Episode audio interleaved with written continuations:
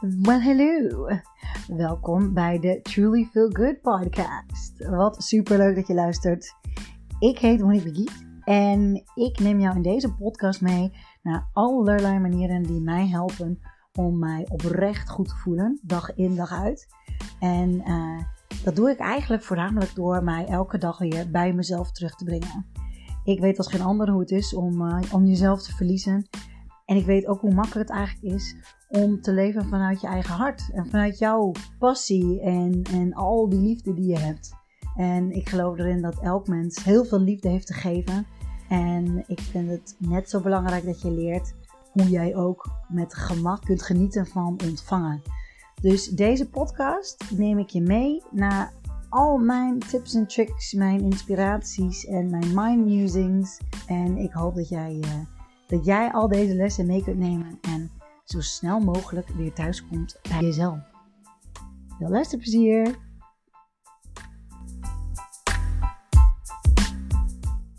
Wat accepteer jij van jezelf en wat kan absoluut niet door de beugel? Daar wil ik het graag vandaag over hebben. Ik, uh, ik ben bezig met, uh, met best veel onderzoeken.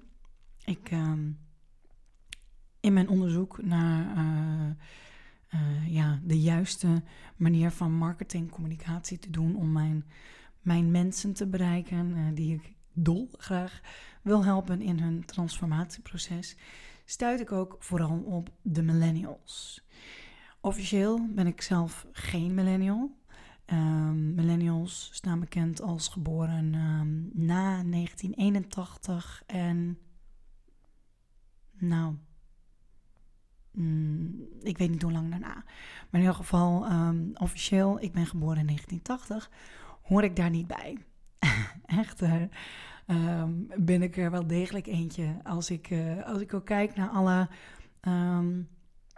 kwaliteiten, eigenschappen en wensen van de millennials.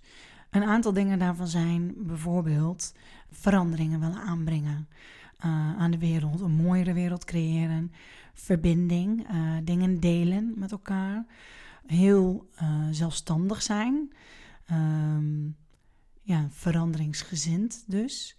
En even kijken, ik pak even, ik heb een heel leuk lijstje gemaakt ook, ik pak even een lijstje erbij. maak zich zorgen om de planeet, zijn efficiënt en past zich snel aan, zijn onafhankelijk. Technologie is belangrijk voor ze, belangrijker dan een auto.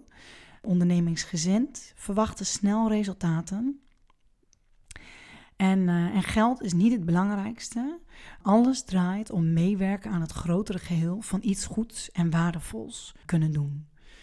En uh, als deze jongeren een baan vinden waar ze hun passie in kwijt kunnen, dan blijven ze. Dit zijn een aantal dingen die ik uh, gevonden heb en die ik zo gigantisch in mijzelf herken.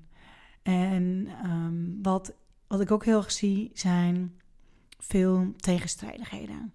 Als je, mijn, uh, als je mijn podcast van vorige week hebt gehoord, heb ik ook genoemd dat in mijn, in mijn zoektocht um, ik, uh, ik een document had opgesteld en uh, daarin kreeg ik ook als uh, reactie op van hé, hey, dit kan niet, want ik had een profiel opgesteld en van, van mensen waar ik dus graag mee wil werken en, en waar ik heel goed mee kan helpen omdat ik dat zelf herken en doorlopen heb. En omdat ik, omdat ik daar een, een, een, weg in gevonden heb. waarin ik een gelukkig leven leid met, met al mijn facetten. En toen kreeg ik ook de feedback van: ja, dat kan niet, want het is super tegenstrijdig. En ja, dat maakte dus ook dat ik weer moest glimlachen, omdat ik zoiets heb van: juist, exact. Dat is een heel groot punt. Tegenstrijdigheden. Tegenstrijdigheden zorgen voor een worsteling, een innerlijke worsteling. Want het geeft een gevoel van dat iets er niet mag zijn. En dit sluit heel erg aan bij, als ik naar mezelf ook kijk, dat ik heel vaak het gevoel had van een bepaalde ontevredenheid. Ik wilde altijd meer. En dat klopt dus ook compleet bij deze generatie. Deze generatie wil meer. Die voelt ook dat er meer in zit. Deze generatie, millennials, staan ook bekend als game changers. Echter, er zit een echter en een andere kant aan. Millennials die niet hun werk doen, hun innerwerk, die gaan geen game changer zijn. Die gaan hun hele leven lang deeply unfulfilled zijn. Ik, um, ik zag namelijk gisteren zag ik ook een videofilmpje van uh, Teal Swan. Teal Swan die heeft een uh, filmpje opgenomen over What's Wrong with the Millennials. Zo heet uh, dat is de titel van, de, van het filmpje. Aanrader, bekijk hem eens. hij is, ja, ik vind hem super boeiend. Ze legt daar heel duidelijk uit de verschillen met de generaties en ook wat er gebeurt en waarom zoveel millennials zich unfulfilled voelen. Dus ja, onvoldoende tevreden. En wat er eigenlijk allemaal gebeurd is. Dus vanaf je jeugd, hoe wij opgevoed zijn. Um, ik zeg wij, ik, ik schaam mezelf eronder. Hoe we opgevoed zijn, ook in vergelijking met generaties voor ons. Uh, ze legt heel duidelijk ook uit uh, wat ik altijd super interessant vind, is iedere generatie uh, kiest er of voor, ze doen exact hetzelfde als wat hun ouders hebben gedaan, of ze kiezen ervoor om er tegen in te gaan en het exact anders te gaan doen. Misschien herken je dat bij jezelf, dat uh, misschien ben je al ouder, of, of als je überhaupt gedachten hebt gehad over als ik ooit kinderen krijg, um, dat je dan dacht, nou dat ga ik absoluut niet doen zoals mijn vader, moeder, mijn ouders dat hebben gedaan. En er zijn waarschijnlijk heel veel dingen die je ook zegt van, yes, dat uh, vind ik supergoed, dat ga ik ook exact zo doen. De millennial generatie is eentje die er tegenaan schopt. Ze zijn hier ook als game changers om een bepaalde manier van dingen te doen, te doorbreken en het op te bouwen om nieuwe dingen te doen. Een zin die Teal Swan in dit filmpje ook zei, die, die gaat dus over deze unfulfillment, die ontevredenheid, die eeuwige ontevredenheid. En die vind ik dus rete interessant, omdat dat echt iets is wat zo vaak bij mij als patroon terugkwam. Ik herkende telkens wat ik ook maar deed, ik kwam altijd weer op zo'n punt van, van me niet volledig voldaan voelen. Ongeacht hoe mijn situatie eruit zag, dat ik echt zoiets had van: op papier is alles goed en toch voel ik mij zo. En ik vond niks frustrerender dan dat. Dat ik er ook niet uit kon komen. Dat ik ook niet wist van, hé, hey, maar hoe kan het nou dat ik me zo ontevreden voel? Ik koppelde het vaak aan mijn baan. En ging dan, uh, ik ging dan elke keer weer op zoek naar een nieuwe baan. Waarin ik wel die voldoening zocht. Um, daar ben ik uiteindelijk uitgestapt uit die vicieuze cirkel. En ik heb dat patroon doorbroken. En daar wil ik dus ook heel graag andere mensen mee helpen. Om dat patroon te doorbreken en om echt naar die kern te gaan, waardoor je unfulfilled bent. Een stukje waar Til Swan het dus over heeft, en daar wil ik het dus vandaag over hebben, uh, gaat over de schaduwkanten. Zij zegt: ik, ik lees even voor. Uh, ik heb het opgeschreven. Ik lees even voor wat zij heeft aangegeven. Millennials are the generation that is meant to see the shadows and change them. They are the generation that gets that the way things were done will not work anymore. Als je dit hoort en je herkent dit, dan, dan, dan weet je en dan voel je dat ook. Dat je inderdaad zoiets hebt van, ja, dat klopt ik wil dat dingen anders gaan. En, en, en, en, je, je, je denkt aan het grotere geheel en je wilt graag positieve veranderingen en impact maken op deze wereld. En, uh, en dat voel je in je. En ja, misschien zit je op een bepaalde werkplek waar dat zich niet, waar je daar niet volledig vrijuit dat in kunt uiten of tot zijn recht kan laten komen, maar je voelt die drang wel. Wat ze daarna zijn. However, they ended up opting out of the game because of trauma and they had shadows of their own. Wat ze daarmee bedoelt, shadows of your own, Dat is iets heel normaals. Dat hebben we allemaal. Elk mens heeft schaduwkanten. Wat daarmee bedoeld wordt, is: uh, dit zijn stukken in onszelf die wij of niet willen zien, of misschien wel zien, maar die wij heel ver naar de verdrukking toe brengen. Er wordt ook naar gerefereerd als maskers. Een masker die je opzet omdat uh, dat je het gevoel hebt dat dat niet goedgekeurd wordt door je omgeving. Uh, en dus dat jij het zelf niet goedkeurt. En dus sta je die kant van jezelf niet toe om er te zijn. Wat dit creëert is frictie binnenin jezelf. Dit is een, een worsteling. Want die schaduwkant, die is er. Die is bij ieder mens. En het is niet één schaduwkant, het zijn meerdere schaduwen. De reden waarom het ook schaduw wordt genoemd, is omdat het niet in het licht staat. Dus het wordt niet gezien, het wordt in het duisternis, wordt het verstopt. Maar als jij dingen verstopt, dan zie je ze misschien niet. Maar dat betekent niet dat ze er niet zijn.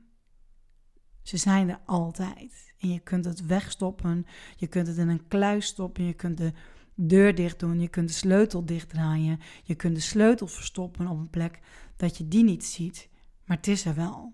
En het blijft uh, aandacht vragen.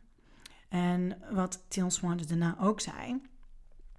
These shadows that exist in the millennial consciousness have to be seen and properly integrated. If they are not, then they are going to be deeply unfulfilled for the totality of their existence. En dit geloof ik met heel mijn zijn. Dit geloof ik omdat ik het zelf heb doorleefd. Um, en niet één keer, nee, meerdere keren. En waar het dus op neerkomt, is acceptatie acceptatie van het gehele zijn wie je bent. En dat, dat is the good and the bad. Ik geef hier even een voorbeeld van. Want dat maakt het altijd wat helderder. ik geef een voorbeeld van mijn eigen leven. Ik heb heel lang aangeschopt tegen egoïsme. Uh, iets wat heel erg in mijn irritatiezone zat. En uh, wat ik echt verschrikkelijk vond wanneer ik dat zag bij andere mensen. Wat ik dus compleet afkeurde, was egoïstisch gedrag. Wat ik daarmee deed, was het egoïstische stuk in mij afkeuren. Dus ik liet het egoïstische stuk van mijzelf liet ik nooit toe. Wat? Want dat vond ik, dat vond ik verschrikkelijk en dat wilde ik nooit zijn. En dus werd ik dat ook niet. Want wat, um, wat eigenlijk egoïsme inhoudt, is voor jezelf zorgen. Jezelf op de eerste plek zetten. Egoïsme is iets heel moois. In onze ja, vocabulaire is het iets, ik, ik vind het een tainted woord. Um, maar het is niks anders dan goed voor jezelf zorgen. En uh, ik heb hem waarschijnlijk al wel vaker gebruikt, maar dat is hetzelfde verhaal als dat je in een vliegtuig zit en dat je eerst je eigen masker op moet zetten wanneer het vliegtuig neergaat, voordat je zelfs een masker van je kind op gaat zetten. Waarschijnlijk super counterintuitive, maar het is wel belangrijk, want als jij niet meer kunt ademen en jij valt helemaal flat, dan kun je helemaal niemand meer redden. En dat is exact wat er gebeurd is bij mij, onder andere. Dit is een van mijn uh, schaduwkanten. Ik, uh, ik was daar zo hard tegen aan het vechten dat ik dus altijd ook mezelf op een latere plaats zette.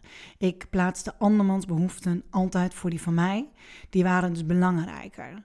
Um, wat ervoor zorgde dat ik niet voorzag in mijn eigen behoeften. Dit is wat er heel erg naar voren is gekomen, ook uit mijn burn-out.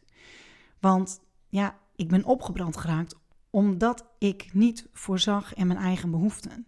Waarom deed ik dat niet? Omdat ik zo hard aan het vechten was tegen ja, dat stukje egoïsme in mijzelf. Dus goed zijn voor mezelf. Want dat keurde ik af. Zie je hoe dat een gigantische worsteling is en dat dat een, uh, ja, een battle is die je, die je niet gaat winnen totdat je hem gaat doorbreken. Het is heel begrijpelijk voor mezelf waarom ik die gevoelens had en uh, nog steeds kan hebben. Ik associeer egoïsme ook eigenlijk meer met um, jezelf op de eerste plek zetten ten koste van een ander. En dus die overtuigingen had ik heel erg geïntegreerd in mezelf. Dus ja, wederom, ik, ik, kon het dan, ik kon het nooit goed doen. Ik zou het nooit goed doen. Dus pas totdat ik compleet dat integreerde en het toeliet en mezelf wel op de eerste plek ging zetten, dat was pas het moment waarop ik die verandering kon doormaken en zag wat voor moois het is en wat voor geweldigs het is om jezelf op de eerste plek te zetten en hoe belangrijk dit is. Want als jij niet goed voor jezelf zorgt, dan kun je ook niet voor een ander zorgen. Dus dat aan jezelf geven is het grootste gift wat je ook aan een ander kunt geven. Een ander voorbeeld is voor veel vrouwen, is voor jezelf opkomen. Dat is ook eentje die ik echt heel erg herken van in mijn burn-out.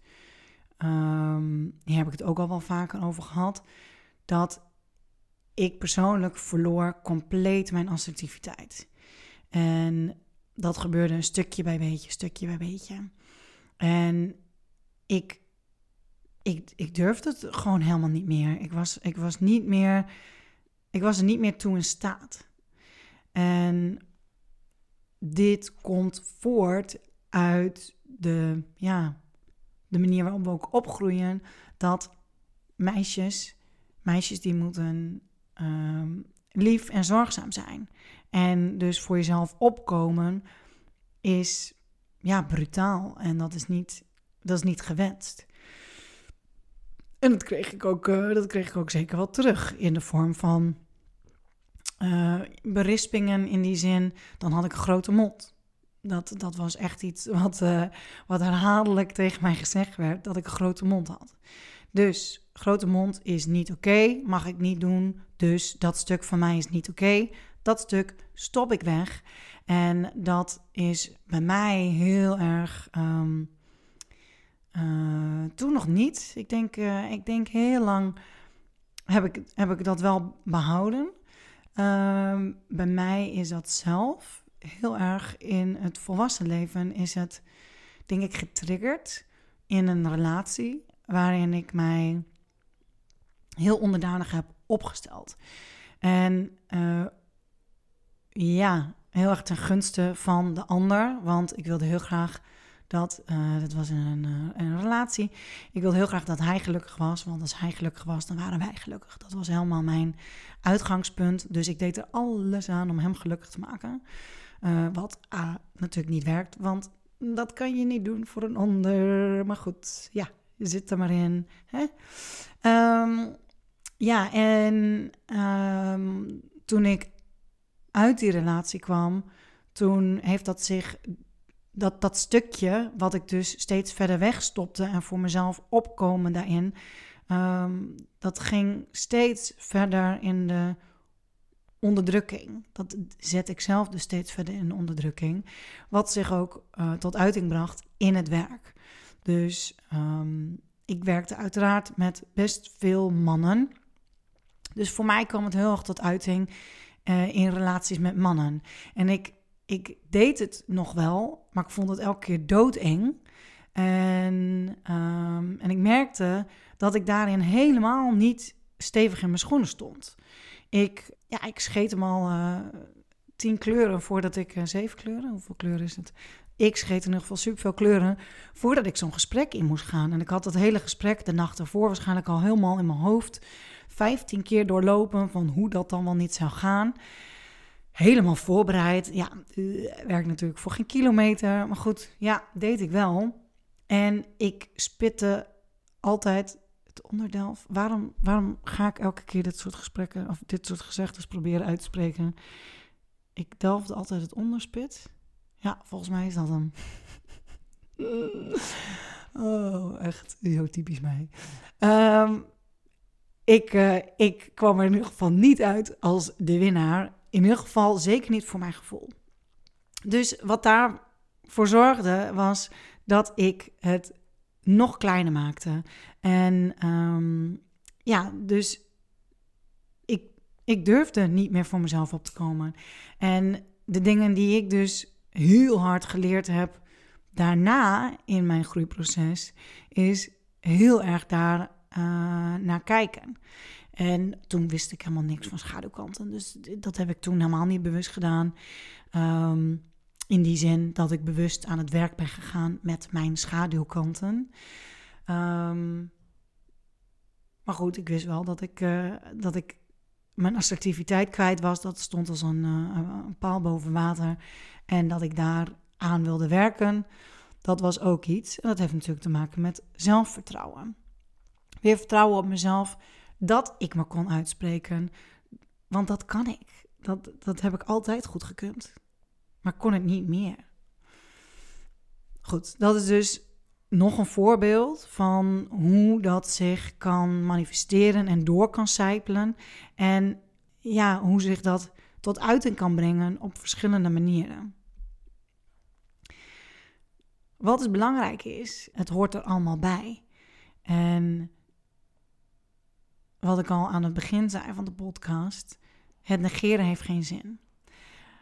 Wat ik bijvoorbeeld een hele mooie oefening vind. En uh, mocht je al aan het werk willen met bepaalde schaduwkanten bijvoorbeeld, dan vind ik dit een hele toffe. Ga eens na. Observeer jezelf eens de komende week. En uh, ga eens kijken wanneer iemand jou triggert. En dat je echt dat gevoel hebt in, in, in de pit of your stomach. Weet je, dat je er echt zo'n beetje ja, zo'n irritatiegevoel krijgt van, van oeh, wat lelijk gedrag. Hè? Dat je dat, waarbij je echt merkt van, dit gedrag keur ik af. Observeer het even. En schrijf het dan op. Dus ik raad ook aan om, heb even een briefje bij je. Stop een briefje in je broekzak. En Ehm, zodra je uit dat gesprek bent of zodra je maar een moment hebt, het allereerste moment dat je hebt, pak dat briefje en schrijf op wat het gedrag is. Uh, en uh, wat maar voor jou helder maakt welk gedrag dat dan is. En observeer zo verder en kijk of je hierin een patroon herkent en of dat eenzelfde soort gedrag is. En ga dan nadat je dat genoteerd hebt, dus na die week, na die observatieperiode, ga dan eens na um, wat voor toffe eigenschappen jij daar eigenlijk in ziet. Dus schakel even het gevoel met die specifieke persoon of die specifieke personen. Schakel dat uit. Probeer het zoveel mogelijk uit te schakelen. En ga puur kijken van hé, hey, wat is het dat diegene laat zien waar ik meer van zou willen? Bijvoorbeeld in mijn voorbeeld dus met het egoïsme verhaal. Dat iemand zo klakkeloos en makkelijk um, ja, voor zichzelf opkomt. Dat had er namelijk ook mee te maken die komt voor zichzelf op, die staat voor wat hij wil en die regelt gewoon, uh, die krijgt alles wat hij wil, ongeacht wat de rest van de mensen willen. En um, um, ja, het mooie daarvan was, als ik daarnaar keek, van hé, hey, oké, die zet zichzelf op de eerste plaats. Dit zijn mijn woorden. Dus kijk ook even compleet hoe jij het verwoordt en wat bij jou resoneert. Maar kijk puur even naar de eigenschappen van je zegt van oké, maar dat is eigenlijk wat ik heel gaaf vind en wat ik heel graag, dat zou ik zelf graag meer van willen. En dat gaat zich nooit zo ver doortrekken als het gedrag wat jij van die anderen super lelijk vindt, want daar zit een angst op. Dat is natuurlijk het stukje waarom je jezelf dat niet geeft, omdat je bang bent dat je, als je jezelf die stukjes geeft, dat je compleet daarin doorslaat en dus een vol-on egoïst wordt die ten koste van andere mensen dingen doet. In mijn geval. Dat ga ik nooit worden, want dat ga, dat ga ik nooit worden. Maar ik mag, ik mag en mocht meer aan mezelf geven en helder kijken waar mijn behoeften lagen, waar ik, ehm, waar ik voor mocht gaan staan. En ga voorbij die angst, want daar zit het mooie licht. En, en alleen, al, alleen al je bewust worden van: hé, hey, oké, dat zijn eigenschappen die, waar ik eigenlijk meer van wil dat is al een hele gigantisch mooie stap. En hoe je dan de volgende stap gaat zetten, weet je, die komt later wel. Maar zet deze eerste stap. En wat je dan ook zult merken, is dat ehm, je daarin ook een bepaald, door, door het bewustzijn, dat je ook een bepaalde uh, stap richting acceptatie zet. Betekent echt niet meteen dat je dat volledig hebt omarmd. Het is een proces. Alles is een proces. En geef het en ook jezelf hierin de tijd. En misschien zijn het meerdere dingen, waarschijnlijk zijn het veel meerdere dingen. It's beautiful. En er zijn veel meer manieren nog waarop je dus aan het werk kunt gaan met je schaduwkanten. Dit is, uh, dit is een handgreepje die ik nu even pak. Um, ik vind uh, bijvoorbeeld ook leuk, um, nou ja, voor mezelf, waar ik naar ga kijken en, en waar ik vaak naar kijk, is eigenschappen van iemand die dicht bij mij is, waar, waar ik dus vaak veroordelend naar kijk. Ehm, in dat stukje egoïsme. Ehm, wat ik ook dan doe, is alle toffe dingen opschrijven van diegene. Alle gave eigenschappen die diegene heeft. En dan kijk ik en dan zie ik, wow, dat zijn echt allemaal vet toffe dingen die ik allemaal in mij heb. En dan weet ik, hé, hey, die dingen mag ik vergroten. En daarmee creëer ik dan een veel rijker en veel succesvoller leven voor mezelf. Dat is een stap. een hele grote stap. En uh, ja, alles mag er zijn. Alles is oké. Okay. Dankjewel voor het luisteren. Yay! Wat super leuk dat je luisterde. Hartelijk bedankt daarvoor. Ik vind het echt geweldig dat je de tijd hebt genomen en uh, de aandacht hebt gegeven om, uh, om deze episode te luisteren. Ik ben dan ook heel erg benieuwd wat je ervan vond. Heb je er wat uitgehaald en wat heb je er dan uitgehaald? Wil je dat uh, met me delen? Dat zou ik echt super tof vinden. jij kunt mij vinden op www.trulyfeelgood.com. En uh, daar vind je ook mijn, mijn Instagram en mijn Facebook. Um, had je nou zoiets van: yes, dit is echt een hele toffe episode voor iemand die je kent? Stuur hem dan door en uh, ja, maak ook een screenshot en deel hem op Instagram door mij te taggen. Truly feel good. En als je ideeën hebt over wat je graag nog wilt horen of wat dan ook wilt delen, let me know. Let's connect en tot de volgende keer. Doei doei!